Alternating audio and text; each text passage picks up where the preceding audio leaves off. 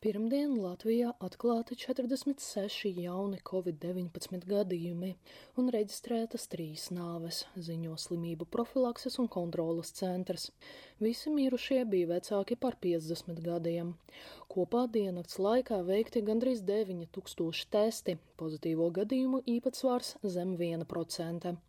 Stacionēti 8 covid-19 pacienti, kopā slimnīcās ārstējas 90 pacienti ar koronavīrusu, no kuriem 16 ir ar smagu slimības gaitu. Darba devējiem būs tiesības atlaist darbinieku, kurš līdz 15. septembrim nav ieguvis Covid-19 certifikātu, ziņo Leta. Par to šodien vienojas ministru kabinets. Tāpat valdība lēma ievest obligātu vakcināciju ārstniecības, sociālas aprūpes, izglītības, valsts un pašvaldību iestādēs. Likuma grozījumi paredz, ka darba devējiem būs pienākums nepakļaut inficēšanas riskam sabiedrības grupas, kuram saslimšana ar covid-19 var būt bīstama. Ministriem ir uzdots izvērtēt grozījumu atbilstību satversmei. Brīvdevas koncertā Lubonā Policisti priekšnesuma laikā sākuši apmeklētājiem pārbaudīt Covid-19 certifikātus, ziņo Latvijas rādio. Mākslinieki un skatītāji teica, ka policistu rīcība ievērojami sabojāja koncertu.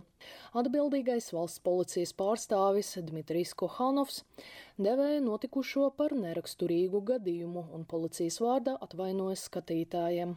Kultūras ministrija aicina policiju ņemt vērā kultūras nozares specifiku un organizēt pārbaudas tā, lai tas netraucē pasākuma norisei. Bez bērnu un pusauģu vakcinācijas nebūs iespējams sasniegt pūļa imunitāti pret covid-19, atzinusi Vācijas imunoloģijas biedrība, ziņo Leta.